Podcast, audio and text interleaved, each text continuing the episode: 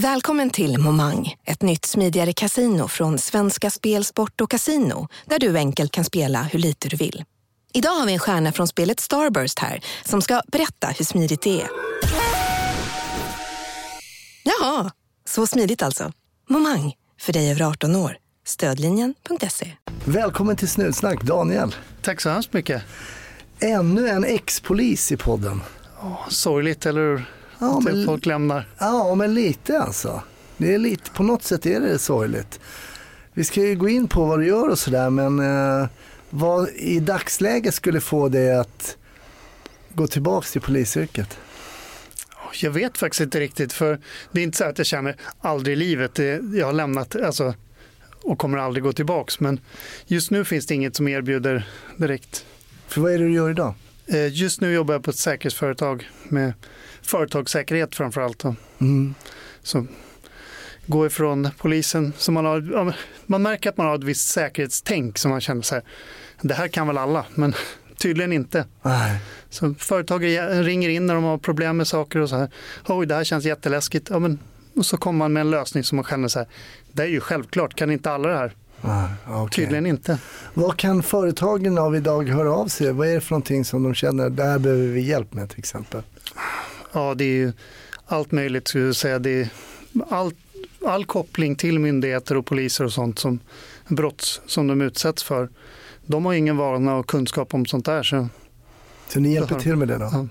Sen är det ju även alltså, rent systematiskt säkerhetsarbete. Typ sätta upp eh, brandskydd, hur man ska göra med alla rutiner. Och, Är det även så inpassering och sådana grejer också? eller? ja. Jag har suttit ett år på, på ett företag som inhyrd säkerhetschef. De hade ingen just då, utan då hyr de in oss och så sitter vi där. Och, ja, antingen så vill de att vi bygger upp hela systematiken så vi jobbar med liksom, ja, alla papper finns i ordning och hur ska man göra om det blir en brand, hur ska man göra om det blir ett inbrott och så. Eller så är det bara i väntan på en ny chef. Håll det flytande liksom. Okej. Så, Det här var extremt kort kring vad du gör idag såklart, men eh, det låter ju så här, men det låter ju inte lika spännande som att vara konstapel. Alltså. Det, där får man göra massa olika grejer. Var, var jobbade du som polis då? Eh, De sista tio åren på länsspan, eller länsnarkotikaroten på spaningsdelen av det I Stockholm? i Stockholm. Okej. Precis. Så, Det lät ju ännu mer spännande än att... än att göra systematik i säkerhetsarbete, skriva papper och ja, men Ja, eh, det- såklart, Mm. så är det ju. Men det är ju då någonting som gör att man lämnar eh, polisyrket. Vad var det som i ditt fall fick dig att känna att men nu testar jag någonting annat? Ja, men det var nog just det där, nu testar jag någonting annat. Ah, det var, det var egentligen inget, alltså många säger så här, "Aj, men nu tröttnar jag, det här fungerar inte och allt är värdelöst och lämnar liksom, i desperation. Och så var det absolut inte. Nej. Jag, jag trivdes jättebra och sen så fick jag det här erbjudandet och kände så här, men provar vi det. Men hur får man ett sånt erbjudande då? Är det någon som du känner eller? Ja, någon... faktiskt Lena som har varit här, hon, det är samma företag som hon jobbar på nu som Så Lena som vi kan se här under hösten eh, i Tjuv och polis. precis, och som var med i din podd. Jajamän, hon har varit med och eh, ja, som hade gjort ett penetrationstest på den här byggnaden där. Precis. Så sånt gör vi också. Just det. Ja, och eftersom jag jobbat som spanare så är det även sådana jobb, alltså spaningsjobb, när företag behöver liksom, vi misstänker att vi har en anställd som gör något fiffens, till Mm. exempel att jag är sjukskriven när jag glider runt på jobbet och gör inget vettigt. Kan ni spana på den här och se om man verkligen är sjuk, eller hon. Ja, just det. Även sånt alltså. Så, så då har nytta av mina spankunskaper. Ja, just det. Just det. Nej, och, men egentligen började det väl med att de skulle hålla mängder med så här utbildningar i PDV, pågående dödligt våld, skolskjutningar och, och sånt. Liksom, Mm. och behövde mer folk för det. Så frågade de mig och en till om vi kunde komma och göra det på halvtid. Okej. Men polisen var inte så benägen att låna ut oss på halvtid. Nej. Så det gick, ja, det funkade inte. Sen Det- plötsligt så blev det att jag fick komma dit på heltid istället. Då. Ja, men jag undrar om inte polisen behöver göra ett litet omtänk där kring. För det är så här, vi släpper dig helt eller så Mm. inte liksom. Eh, för vad är egentligen det stora problemet om du skulle vara på halvtid? Om det skulle passa dig och myndigheten? Ja, de skulle ju haft en polis på alltid. Ja, jag menar det. Det- Och är det ett problem? Nej, Nej. det är väl en tillgång snarare än att man försvinner helt och hållet. Och det, det kan jag väl tycka känns som en liten tråkig del inom polisen och säkerligen andra statliga delar också. Att man, man ser ju inte det här det, som det var förut. Alltså de som jag jobbade med som var äldst, så säger att de började polishögskolan 70-talet, 80-talet någonstans. Hela deras klass, de är ju fortfarande kvar och är poliser, eller så har de dött. Liksom. Ja. Man slutade inte, det är en eller två. De som börjar på polishögskolan nu, det är, så här, men det är kul att vara polis. Men det är ju inte något man gör hela livet Nej. nödvändigtvis. Ja, exakt. Medan intagen bygger ju mycket på så här, vi tar in så att det ska räcka hela, alltså tar vi in hundra stycken då kommer det gå hundra i pension och så ser det ju inte ut. Nej, så är det verkligen inte. Och det händer så mycket och jag tänker bara på det avsnittet som jag haft tidigare med Filip som då är polis och youtuber och gör roliga liksom, filmsnuttar för kidsen. Ja. Liksom. Och bara, nej men jag kanske kör det här polis, jag tycker polisen är kul nu, vi får se. Det är ett helt annat tänk Ja. kring. Men när du började då, hur började det att du ens fick tankarna att liksom så här, eh, hur kom du på att polisyrket skulle kunna vara något för dig? Ja, eh, jag gick ekonomisk linje 90-talet. Det var ju liksom, eh, vad heter den, Wall Street, Gordon Gecko, Money Never Sleeps. Vi skulle tjäna pengar. Liksom, lite sådär, bara, bara man tjänar mycket så var det lugnt. Liksom. De var yuppie som det hette. Ja, men, ja, absolut inte, jag gick i gymnasiet. Så jag, det var inte så att pengarna rullade in, men det var, det var ju där liksom Det var det uttrycket som var så livet här, lev, le, liksom, dit skulle man. Så, ja, så gjorde man lumpen och så skulle man skaffa sig något jobb och börja jobba med ekonomi. Det var inte så roligt det där med pengar ändå. Nej. Så mina föräldrar är bortresta, ligger i soffan, kollar på tv och bläddrar mellan de två kanalerna som fanns, höll att säga. Nej, det måste ju ha funnits något mer. För plötsligt kommer det upp en tv-reklam och bara är du kvinna och invandrare, bli polis. Och det bara, det är ju jag. Alltså, Det var spot on. Precis. Hur? Det måste vara... TVn pratade till mig. Nej, men på något vis här, så jag kände, nej, men det har jag aldrig haft en tanke på. Nej. Men eh, varför inte? Jag gör testerna och ser vad som händer. Ja. Och så gjorde testerna och så plötsligt bara, ja, kom man in och kände, ja, men varför inte? Jag går dit och ser vad som händer. Det var verkligen inte en dröm som har varit. Nej, okej. Så, Du blev typecastad i soffan hemma. ja, ja, men verkligen. Och, eh, jag, jag ångrar det inte ett ögonblick. Även om jag gör något annat nu så är det Nej, just det. liksom, det blir kanske helt var, det var ju den här tidiga generationen, tidigare än den tidigare generationen, Ja. som var villig att bara testa sig om det är något kul och så vidare. Ja, men kanske något mellanting tror jag. För Ja, Vi gick väl inte i skolan så långt ifrån varandra kan jag tänka mig i år. Jag började 95. ja just det, jag var 88. Ja. Okej, ja, det var Ja, men några år. ja, men, i men- alla fall, de som började på 70, liksom Mm. verkligen så här, de, eh, de är ju kvar hela vägen. Vi var där lämnade ett antal och nu är det verkligen så här, man blir polis, ser vad som händer. Mm. Så, ja, det är och det får intressant. polisen vänja sig vid. Ja, jag tror att man kanske måste på något sätt hitta en, eh, en linje som funkar för att och framförallt behålla folk och om man inte kan behålla dem så i alla fall försöka få tillbaka en del också. Ja, och försöka locka med någonting. För det är inte så once a cop, always a cup. Eh, Kanske i huvudet Mm. har man det här polisiära kvar. Eh, Men eh, mm, ja, vi ser, det är många duktiga som, som, som slutar och det är tråkigt för myndigheten. Var började du jobba sen efter skolan då? Jag började i söderort, bodde i söderort då också Mm. från början. Så att, eh, under praktiken så var jag väl på, eh, man var ute på Näpo. För att i söderort så skulle man göra om radiobilsverksamheten. Eller man flyttade hela, det var Farsta och Skärholmen som slogs ihop. Och så, så innan det så var man mest på Näpo. Så då var jag i Aspudden. Efter jag hade varit där då la de ner det. Mhm. Så det har hänt lite. Sen kom jag ju då till radiobilarna, ordningen. Och så la de ju ner det där också. Så hamnade jag i Skärholmen, men det finns kvar. Såg du någon sån här röd tråd? Var jag än kommer så läggs Så, det ner. Ja, men lite så. Men hur var, eh, hur var det då på de här ställena innan de la- lades ner? Innan de la ner. Nej, men jag trivdes väldigt bra. Alltså, jag tyckte, när jag, vill, när jag kom ut, det är klart, då vill man ju åka radiobil. Liksom, Mm. Åka fort, fånga tjuvar. Liksom så här. Kanske inte vara det långsiktiga planerandet och eh, närpolisverksamhet så. Jag står helt för och tycker det är jätteviktigt och bra, men det var ju Mm. inte det jag ville göra. Liksom.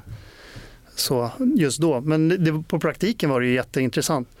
När det är i och för sig en handledare, hon vill nog helst åka radiobil men det passade inte så bra för, för hennes alltså familjeförhållanden så att det var Ah, bättre. okej. Så vi åkte ganska mycket som radiobilen då.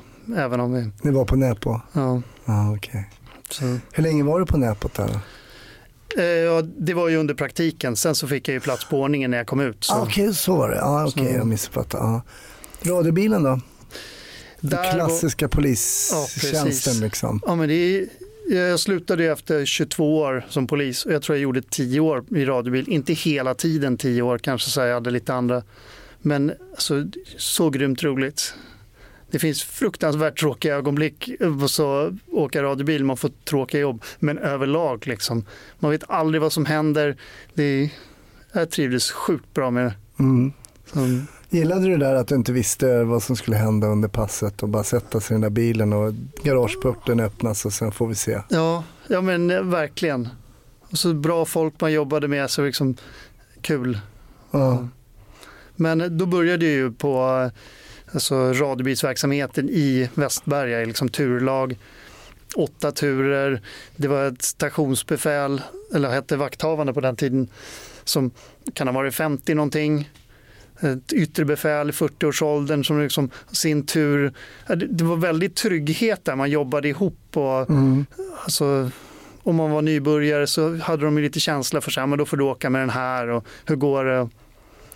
För sen när man mot slutet när det var på närpol, närpolisstationer, då blev det ju mer periodplanerat och man visste inte vem man jobbade. Det är ju praktiskt för ens egen del, Ja. kanske liksom rent tidsmässigt, men jag skulle inte vilja vara yttre befäl idag kan man väl säga.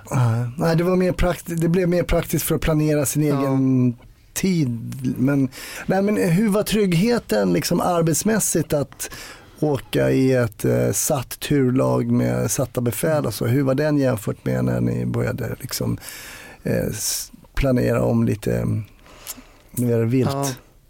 Nej, men det var, det var en väldig trygghet just det här. Och med ett stationsbefäl som man hade i sin tur och ett vakthavande som var äldre, hade jobbat länge. Det var ju liksom en trygghet i det här. Man visste vem man jobbade. Man visste, alltså, åker vi in i något som det här är på gränsen, ska vi verkligen åka in i det här? Det är läskigt liksom. Så, så visste man vilka som kom och vad man hade liksom i ryggen. Just det. Och jag litar ju på folk överlag, men egentligen visste man ju inte det för att det kunde ju vara i Skärholmen. Vi kommer ut med en bil, ska jobba natt. Så kommer resten från eh, någon helt annanstans, alltså Globen och Farsta eller vad det var. Just det. Nej, jag kommer ihåg när jag jobbade, jag jobbade inne i stan då, då jobbade vi, jag jobbade ju E-turen då och då jobbade man ju parallellt med dem på Söder E-turen, Östermalm i E-turen, så man lärde inte känna bara de som jobbade i, på sin egen station i E-turen utan man träffade på pike- E-turspiketen Söder och ja, jag tyckte att det var, och sen jobbade man med samma människor, det blev en trygghet i det, man trivdes att jobba med den, kanske mindre bra med den och så vidare. Det var, jag tyckte det fanns en otrolig charm i det där. Alltså. Vi, hade, Absolut. vi hade till och med piketer i varje turlag, en piketgrupp i varje turlag då. Eh, Så att när man ropade på en piket, då kom ju vår piket, eller om den överlappade så kanske kom D-turspiketen, men då kände man ju dem också. Och det blir ju en väldig trygghet för man jobb, vet ju vilka man jobbar med och vad det är Mm. liksom ja, vår piket som kan komma in. Ja, men, Exakt ja. de vet hur ni jobbar och liksom taktik. De behöver inte fundera, har ni gjort det här, har ni inte? Liksom, utan ja, jobba efter samma taktik även om de kanske har tränat mer på vissa saker. Mm. ja, det, Men åkte du med eh, ofta med samma kollega eller bytte ni i turen eller hur gjorde nej, ni det där? var mest en som vi åkte med. Ah, Eller okej. vi åkte med, jag åkte med. Ja. Och hur blir det då, att åka med samma person eh, ofta sådär? Vad händer i en radiobil när man sätter sig där? Och, och, ja, man lär väl känna varandra antar jag? Ja men absolut, det, det blir ju en vä- väldigt nära relation. Sen det tycker jag inte förändrades så mycket i och för sig på närpolisstationen för man valde ju vilka man ville jobba med. Just så. Ja. Sen blev det ju alltså, ströpass som man jobbade med andra.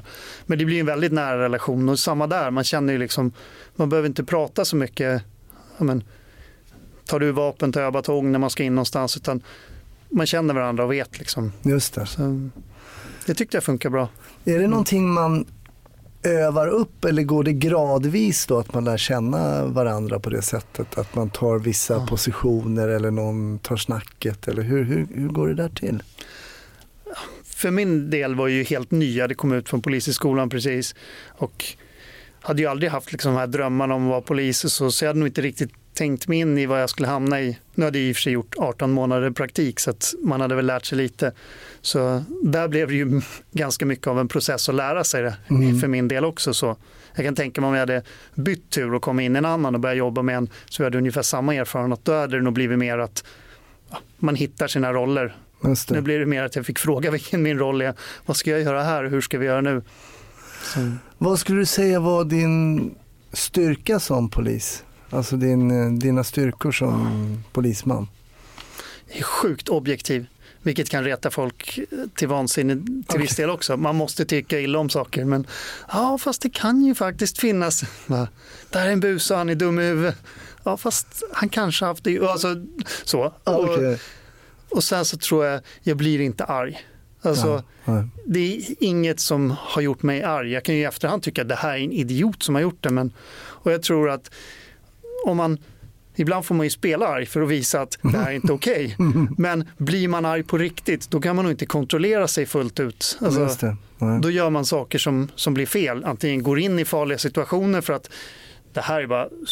Man, man tänker inte liksom. Lite tunnelseende av ilska. Medan jag tror att jag i alla fall tänker igenom. Och sen som så här, den här, honom behöver vi vara arg på. Då låter man arg. Alltså, nu är det slut sluta, gör inte på det här viset. Ja, visst liksom. Har du aldrig känt att någon propp har gått liksom sådär och du känner den här liksom verkligen naturliga ilskan någon gång att du bara måste så backa bak kanske, låta kollegan gå fram eller så här. Du Nej, jag skrämde livet ur en kollega en gång däremot. Jag hade varit på något jobb och alltså, var någon något stalkeraktigt fast han hade gått till fel lägenhet. Så han stod och ringde på någon dörr han skulle in där liksom. Mm. Och de blev ju rädda. Så vi kom dit, så bara försvinn härifrån. Så, ja, men jag, jag vet inte vad han ylade om liksom. Iväg. Så kommer han tillbaka och bara, ni får åka en gång till och skicka iväg honom. Han verkar inte fatta det där. Så bara, vad gör du här? Gå härifrån. Och han lommade iväg. Och sen så tredje gången vi kommer dit så här, så här ja, men nu får vi ta i allt vi åker. Så jag lyfter upp liksom stora ficklampan, rejäl liksom. Och så bara, det här är sista chansen. Bara ställer mig och skriker två centimeter från min kollega. Jag tänker nu, det här blir jobbigt. Nu hamnar vi på någon CU, internutredning eller något sånt där. Och då fattade han att där gick nog gränsen. Liksom. Men jag var ju inte arg egentligen. Jag var så här, hur löser vi det här? Ja, du fick spela helt enkelt. Ja, men det var ju lite så. Ja, Man får... ja men det, det, det kan jag se framför mig också när jag tittar tillbaka. Att visst har man varit tvungen ibland att liksom ja. verka arg eller tvärtom kanske behärska sig för att man, så man en, någon form av skådespeleri är det ju ibland. Mm. Man får känna av situationen liksom lika mycket som man måste spela tokig ibland också. Alltså hamnar man i en situation, det finns bara en väg ut här, de är fler och de går emot oss. Alltså, vi kommer ta med oss ett gäng av er när, vi, när ni ger er på oss. Frågan är bara vem och då kan de ju säga, ja men inte mig, vill, jag vill ju inte ha stryk liksom. Ser man tillräckligt tokig ut så brukar de flesta backa även om det är många just för att de är ändå en enskild person i den stora gruppen. Ja, fast jag vill ju inte bli skjuten, jag vill ju inte ha smäll liksom. Så sånt jobbar man ju med ibland såklart. Kom, när du kom ut, du berättade när du sa så här, men man var, eh, man var ny, man kom ut till turlaget, mm. man visste inte. Hur visste du, jag menar så här, reaktioner på olika för man är ju med om saker som polis som ingen annan egentligen är med om. Det är så konstiga grejer som händer. Hade du funderat på de här sakerna? Liksom? Vad händer om jag möter det? Vad händer om jag kommer till en trafikolycka? Vad händer om jag träffar en person som har hängt sig i sin lägenhet? Hade du haft de här tankarna under din utbildning och sådär? Ja, vi, hade, vi gick ju tio månader på skolan och sen så hade man 18 månaders praktik och så tillbaka sex mm. månader. Och de tio månader på skolan då var det mycket så här plugga och man hade ju lite övningar. Men jag tror inte jag riktigt satte mig in egentligen i det tillräckligt. För jag märkte på praktiken mycket att man säger oj, ser världen ut så här? Liksom. Man har växt upp i någon villaförort, liksom, glad och lycklig och pallat äpplen som värsta hos grannarna. Liksom. Och så bara oj, det var folk som hade ännu värre. Liksom. Oh, oh. Så, så nej, jag var nog inte riktigt förberedd, det kan jag inte säga. Hur gammal var du när du kom ut färdig då? Eh, jag började när jag var 23, så ja, 24 gick jag ut på praktiken. Ja, just det. Så Alltså det var ett litet awakening ändå då, liksom att uh, shit, samhället uh, ser inte ut som jag exakt trodde. Var det så? Som jag minns det, det är ju som sagt ett antal år sedan. Men Mm. jag minns bara när jag, man började på sina 18 månaders praktiken, där var vi på krim. Så var det en äldre kollega och hon skulle delge en utredning. Liksom, utredningen var klar och han, han hade blivit kallad, kom in och läste utredningen om han vill innan den skickas till åklagaren. Och så nej, han svarade inte, det var en pundare av något slag som bodde i en husvagn. Så hade hon fått något tips om att den här husvagnen, där bor han. Liksom. Kan du hänga med tyckte hon och sa till mig, ah, visst, liksom, man var på helspända. Shit, nu är det en riktig bandit. Det här är ju hur grymt som helst. Liksom. Knacka på, han var inte ens hemma, så som jag minns så delgavs han ju inte. Och det är lite det jag backar tillbaka till nu när folk tycker att, alltså som man pratar med i mitt nya jobb, tycker saker är läskiga. Ja, men det är klart, de har inte den erfarenheten. När jag möter en pundare idag som är lite stökig på tunnelbanan, så här, men lugna av er, er, gå av bara. Medan många tycker, oh, det här är lite läskigt. För Just att man har, inte, man har inte varit med om det och inte satt, in, satt sig in i situationen. Så. Nej, just det. Nej, man får ju mycket värdefullt med sig Ja. som polis som man kan använda också faktiskt privat. Eh, som gör att, men dels att man kanske inte då blir rädd för vissa situationer och sen i vissa situationer kan man läsa av som mer farliga som en Ja. del andra tvärtom. Så det är klart att den utbildningen man får på gatan så att säga som polis går ju inte att få på de här första tio månaderna Nej. som du berättade. Det är ju svårt.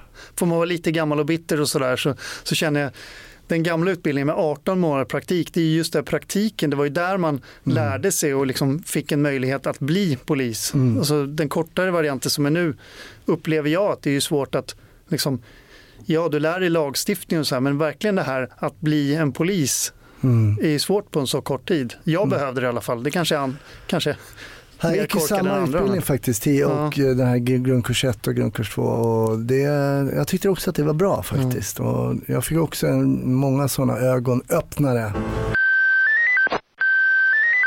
Men jag brukar alltid fråga om eh, en händelse som har stuckit ut under ditt, din tid Mm. som polis. Har du någon sån specifik eller har du flera som liksom ligger på samma nivå eller hur ser de ut de här hä- olika händelserna du har varit med om? Nej, lite är det så. Mina minnen från polisen nu har inte lämnat för mer än två år sedan, men fortfarande så är det de positiva grejerna. Mm, Så att, eh, man har ju varit med om väldigt mycket, både negativt och positivt. Men ändå så här, man hade väldigt roligt och mycket berodde ju på kollegor och grejer.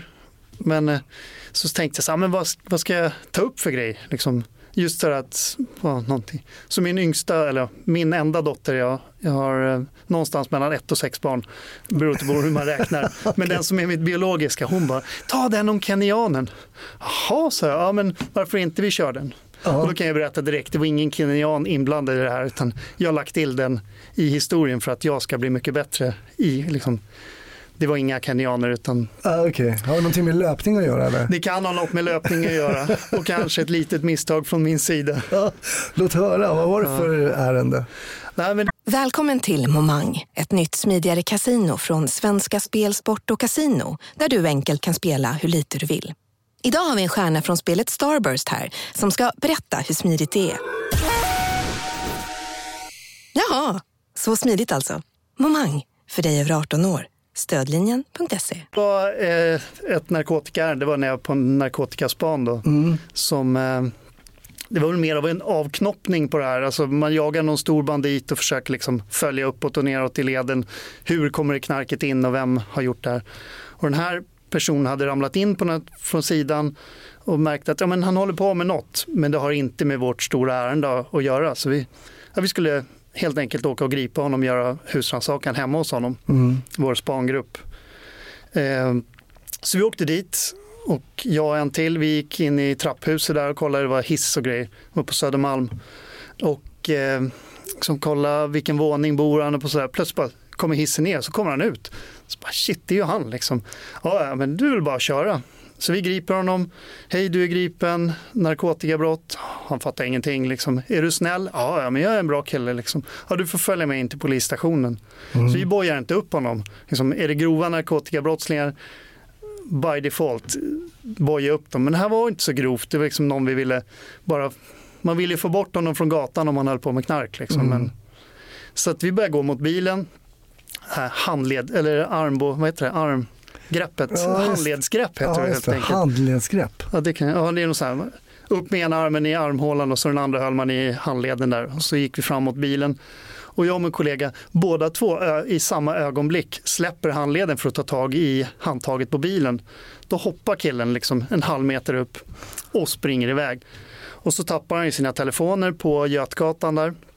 Och min kollega säger men telefonerna är ganska viktiga att rädda i en narkotikaärende för där kan det ju liksom vara viktiga egenskaper. Mm.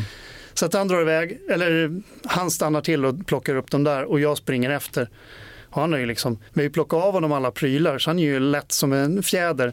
Därav att jag kan ha hävdat att han var en höghöjdstränad kenyan, vilket han inte alls var. Men eftersom det finns faktiskt ett lyckligt slut på historien så vill jag berätta direkt så att ingen tror att det är några tråkigheter. Men han drar iväg där på smågatorna på Södermalm och jag efter och någon väska hade jag med mig också. Skulle liksom kände det här kommer aldrig gå, men det är ju bara att springa liksom. Mm. Springer och springer, han försvinner längre och längre bort. Så han tröttnar ju också, för han kör ju 100% från ögonblick ett. Liksom. Det är det man har lärt sig. Biltjuvar som springer, de springer allt de orkar och så orkar de en väldigt kort stund. Ligger man på 80% själv så kommer man ju faktiskt ikapp dem tids nog om de inte gömmer sig. Men han drar iväg 100% så han drar iväg. Och till slut så börjar jag komma ikapp. Liksom det finns en chans. Liksom. Kommer en kvinna cyklande bredvid mig och så bara tittar hon på mig. Du kommer aldrig få honom, säger hon och bara fortsätter. Och då fick man ju extra lite horn, så bara, det är klart jag ska göra det. Kommer han fram till en taxibil och börjar rycka upp dörren och så här. Och, men av någon anledning får han inte åka med den här taxin, så han fortsätter springa. Kommer till en till taxi ute på eh, Folkungagatan. Mm. Hoppar in i den där, ser jag, så ah, nu är det ju kört liksom. Drar han iväg. Tänk, om jag öppnar hans dörr och tar tag i honom, det är ju risken att taxin drar iväg. Jag kör en chansning, så jag rycker upp förardörren av någon outgrundlig anledning. Men jag hade en tanke i alla fall att om jag får stopp på föraren, då kommer ju inte taxin åka iväg. Så liksom flyger passerar taxichauffören liksom flygande in och bara polis skriker till honom, tar tag i banditen liksom men han lyckas ju dra sig ur den där bilen. Eller liksom kom mitt... du från förarhållet ja, ja. då? Öppnar upp förardörren, oh. in genom förardörren, liksom, i knät på föraren. Liksom, och skriker något polis i ansiktet på honom. Och han bara, vad är det som händer? Rycker tag i den här killen i passagerarsätet. Och, men man får inget supergrepp direkt, så han kommer ju ut. Och, och, men han är slut, han är helt trasig när han har sprungit där. Så jag rundar bilen, hoppar upp och fångar honom och får ju typ något så här. Det var inte Rikspolisstyrelsens eh, grepp enligt boken kan man väl säga.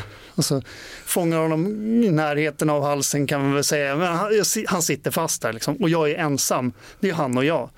Så kommer... En stor kille? En liten, Nej, eller? han var inte så stor sådär. Framförallt var han helt slut. Han hade gett upp där. Ah, okay. Men då kommer en stor kille, en riktigt stor, gående på gatan och så bara, behöver du hjälp? Nej, det går bra, säger, du. säger jag och känner så här, nej det gör det ju inte. Han kunde ju verkligen ha hjälpt mig där. Och samtidigt så hör jag ju på radion liksom, har ni släppt honom? Skriker min eh, gruppchef. Bara, han var inte helt nöjd liksom. Nej. Men då kommer de in, plockar in honom och så, ja, skriver in honom allting. Så fick man bjuda på tårta sen. Men varför? Jag, jag skulle sett att du skulle få bjuda, men det räknas alltså, nu ska vi berätta för lyssnarna, för ja. har man tapp, alltså tappar fångstspillan. fångstspilla, ja, tappar den, så får man ju ofta bjuda på tårta. Men du fick ju inte spillan här, du, du, fick, du skulle ju ha sluppit tårta tycker jag. Det var faktiskt så, men jag tycker om tårta, så det, det hade med det att göra egentligen. Ja, det, alltså det, är ju en, det är ju en anledning i sig att gå och köpa en, eh, en prinsessa. Ja, så. Ja. Så köpte jag en glasyr så skrev jag fångspillan på den till ja, mig. Gjorde det. Ja. det här mindes jag faktiskt inte att det var så förrän Lena just berättade. Ja, så gav vi, bjöd ju på tårta också.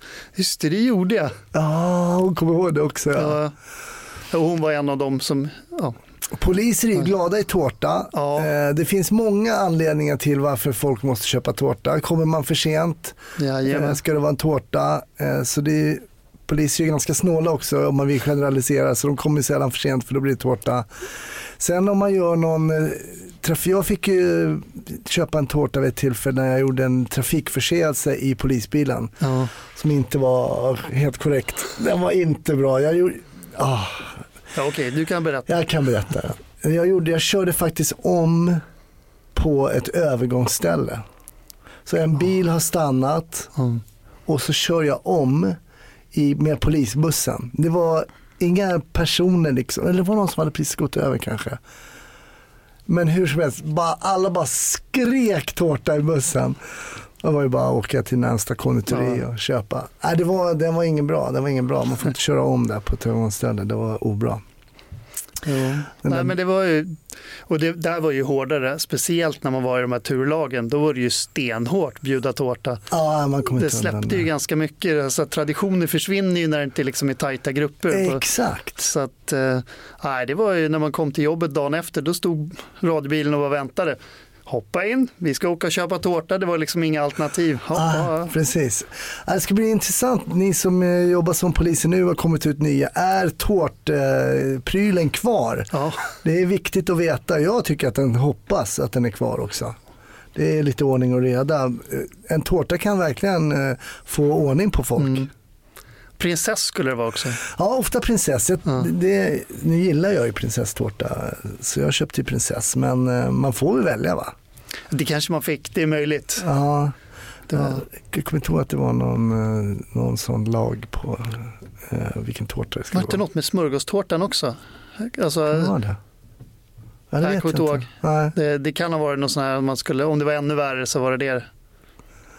Men jag Så. tänker på, du var ju på span också. Mm. på narkotikaspan och det är ju eh, det skiljer sig ju väldigt mycket från att åka radiobil. Alltså jag kan tänka mig att ni hade lite längre ärenden när man kommer upp på länsnivå och sådär och då är det inte bara något man spanar av liksom över en helg utan man kan, kanske också använder sig av andra tvångsmedel som telefonavlyssning eller något sånt där. Så det Ja. måste liksom, hur var det att liksom gå från det här lite snabba ryck och ut i radiobil, bjuda på tårta Ja, till det. till, till det då liksom?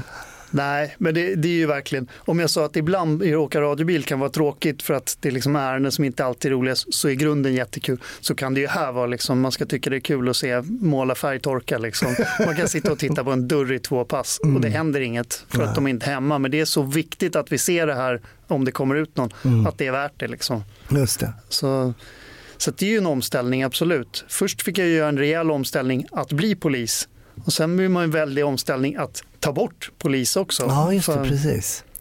komma med dykarklocka och benfix, eller vet du, benfixbyxor Ah, och sådär. då får man underkänt av Lena va? Ja, Hon, eh, ja, hon har lärt mig, eller det var jag som började lära henne kan jag väl säga, för jag var där innan. ah, Men, men absolut, så är det ju. Eh, Jag har förstått att hon eh, var duktig på att inte se så polisiär ut. Sjukt duktig.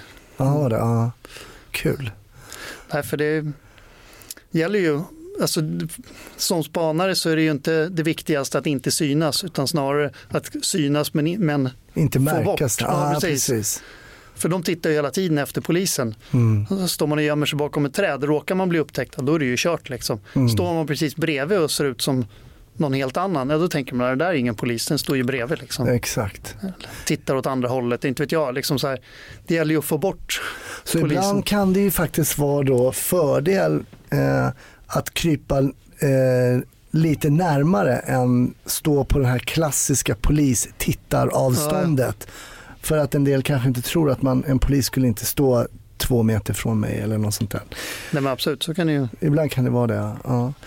Du berättar en väldigt rolig historia här. Hur har du, för jag vet ju att det är omöjligt att åka radiobil eh, och inte vara med om saker som också är tråkiga och som man Mm. inte ser när man växer upp i det här Ja. villaområdet. Hur har du reagerat på de här sorgliga och liksom, alltså livet i sig som döden och sånt där. Hur har du reagerat på sådana grejer? Nej, men det är klart de finns med. Och Mm. Jag tror ju att jag är den person jag är idag på grund av allt man har varit med om Mm. såklart. Mm. Förhoppningsvis inte gammal och bitter men just det här att man har liksom, jag har sett så mycket och sett så mycket fruktansvärda saker så att det påverkar ju en såklart. Mm. Så är det ju. Men jag har nog inte grävt ner mig jättemycket i det. Nej. Så, det kan jag inte säga. Det finns ju några som finns kvar liksom i huvudet sådär att man så här, undrar hur det gick för dem och sådär. Men Just det. ja, Men du har alltid kunnat släcka lampan och somna och sådär eller? ja egentligen. Det är mer, jag var inne, när vi var på narkotikaspan så var man in, fick man gå in och utreda när det saknades utredare, så det hette i början på utredningen. Och, sådär. och även haft ungdomsutredningar tidigare. Och där blir det ju mer, man får engagera sig djupare. Mm. För narkotikabrottslingar sitter jag inte och tycker så jättemycket synd om. Alltså, de här grova, de har ju gjort någon typ av val. Liksom. Mm. Men när man sitter och utreder så kan det ju finnas alltså, saker att tänka. Mm. Så det blir väl djupare. Men just det här radiobil, det är ju mycket ut, snabba jobb och sen så lämnar man bara över det. Mm.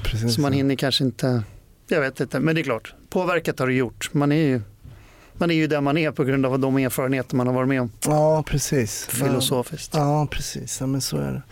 Jag ställde en fråga där i början som eh, jag sa det, vad skulle kunna få dig tillbaks Mm. till polisyrket eh, idag? Vad, vad tror du? Nu har du varit borta i två år bara, men vad tror du skulle kunna få dig att kliva tillbaks just idag?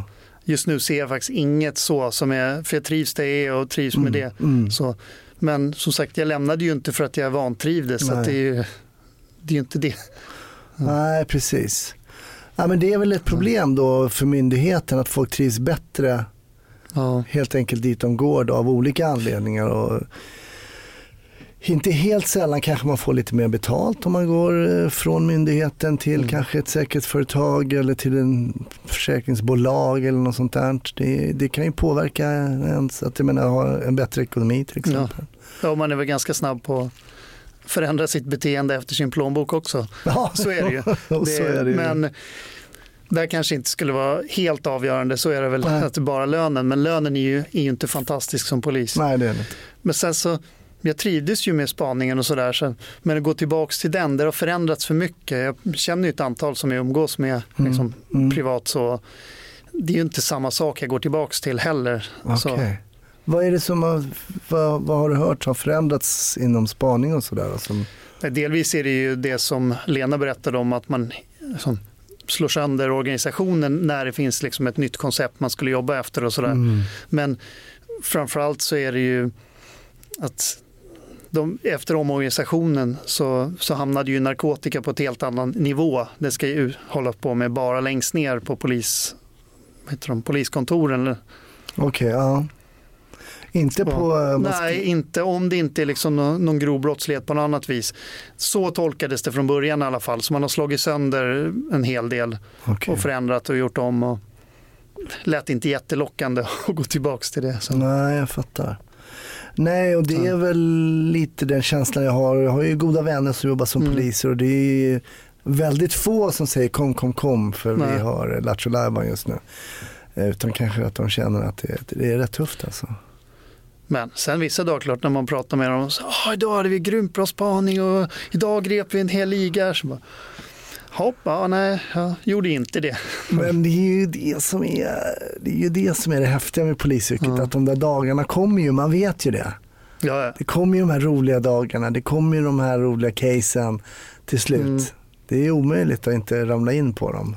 De roliga ärendena. Nej, men absolut. Och de roligaste är ju när man åker radiobil, det är där det händer. Mm. Alltså jag säger till alla som ska bli poliser, håll kvar ett antal år på, på radiobil. Jag tycker folk lämnar för tidigt, för det är Mm. där. Så när jag kommer sitta och prata med mina barnbarn liksom, och berätta om min karriär, inte är det liksom som säkerhetskonsult, vilket jag trivs jättebra med nu, men det är ju inte det de vill höra, utan då är det så här, fånga tjuvar och liksom, Ja, det är alltid spännande. det är ju det. Mm. Och jag vill inte gå tillbaka och börja köra radiobil, för det skulle jag säkert inte orka och framförallt inte kunna idag, för jag, det har säkert förändrats så mycket i de där så att man, Jo, jo, jag har ju Mm. bara sett liksom cockpiten på en radiobil idag. Det var bara okej. är det polisflyget, vad hände? Man undrar. Vi brukar Ja. alltid runda av och prata lite um, polisfilm. Ja. Är det något som du eh, kan kolla på nu? Ja men det kan jag och det har alltid, men alltså man får bortse från att det Mm. inte fungerar. Alltså, det var ju någon gång man fick eh, vara med i Efterlyst, skulle man spela in de här. Ah, just grejerna. sitta och ta emot samtal och sådär Ja, eller? men även när de spelade in de här själva inslagen. Ah, Så, okej. det var ju så, ja men här är ett mord på Södermalm, ni är radiobilspolis, ni kommer dit. Så bara, ja visst, vi glider in längs väggarna liksom för att inte förstöra några spår. Så här. Stopp, stopp, stopp, vi, vi, vi kör, ni bara kliver rakt in. Fair enough, men inte så vi gör. Nej, men det ser bra ut på film så vi kör. Ja. Och jag, alltså, någonstans får man ju släppa det. Mm. Jag vet att Gunvar Larsson inte skulle vara den som sprang in allra först och har piketen bakom sig. Liksom. Nej, precis. Men det ser ju coolt ut, Ja, så varför inte? absolut. Bra karaktär också. Ja. Nej, men så jag tittar absolut. Mm. Och, Är det någonting något som, har du någon film som du skulle kunna, eller är det serie eller vad som helst som du kan rekommendera som vi kan spendera några timmar på? Ja, några timmar i alla fall. Jag tittade på en serie nu på Netflix, Unbelievable. Ganska tung i och för sig, men åtta avsnitt tror jag den var. Mm. Om eh, en tjej som blir överfallsvåldtagen och just det här med att inte bli trodd. Liksom. Just det. Den är ja, riktigt bra.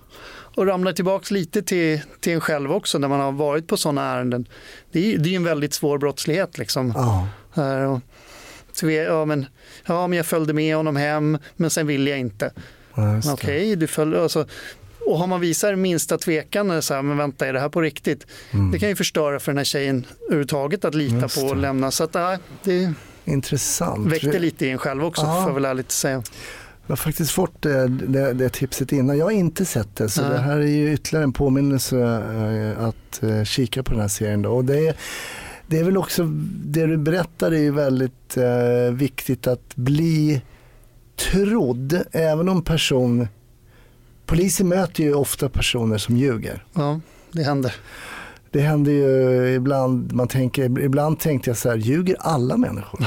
Konstant? Eller är det bara Ja. liksom, och, men då är det också svårt att möta folk och, och vara öppen och, och det, som du säger, det är oerhört viktigt att bli trodd i de här lägena. Det är Mm. oerhört viktigt.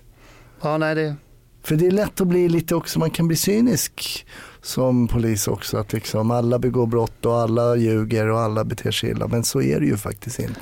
nej, nej, absolut inte. Men ens verklighet ibland blir ju det när du är ute och jobbar med Mm. människor som beter sig på det sättet. Och det, det är det som förstör för, om vi nu pratar våldtäkts, just, det finns ju fall där det har varit lögner, rent Mm. liksom påhitt i något hämndsyfte eller vad det kan vara. Och det där förstör ju så mycket för alla andra. Mm. Och när det sätter det minsta lilla liksom i huvudet på polisen som ska förhöra första gången, ja, det kan förstöra så mycket i alla led till liksom hela vägen. Mm. Men sen så, om jag Ja, får nämna en annan, Absolut. men det var inte egentligen polis utan Nej. det är ju Americans, men det är ju mer spaning. Deras sätt att ändra karaktärer, sjukt bra.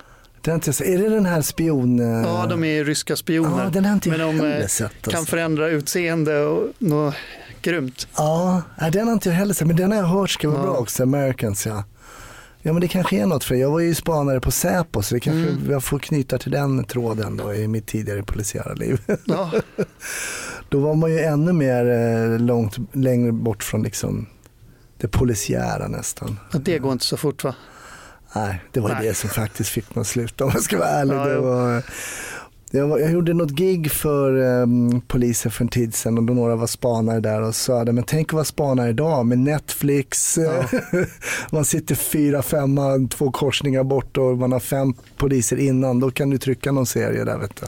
Ja men absolut, det ska väl ärligt erkännas att det kanske har tittats på någon serie under arbetstid. Ja, men ja, jag lyssnade på P1 och löste korsord. Det gjorde jag också på arbetstid. Men sen så sätts det igång på en sekund också. Då är det åt, läggs det åt sidan såklart. Så nu kollar de Netflix och lyssnar på snutsnack då? Ja, snutsnack Ja, och måste- Candy Crush. Ja, ja, ja, ja, men Eller något sånt.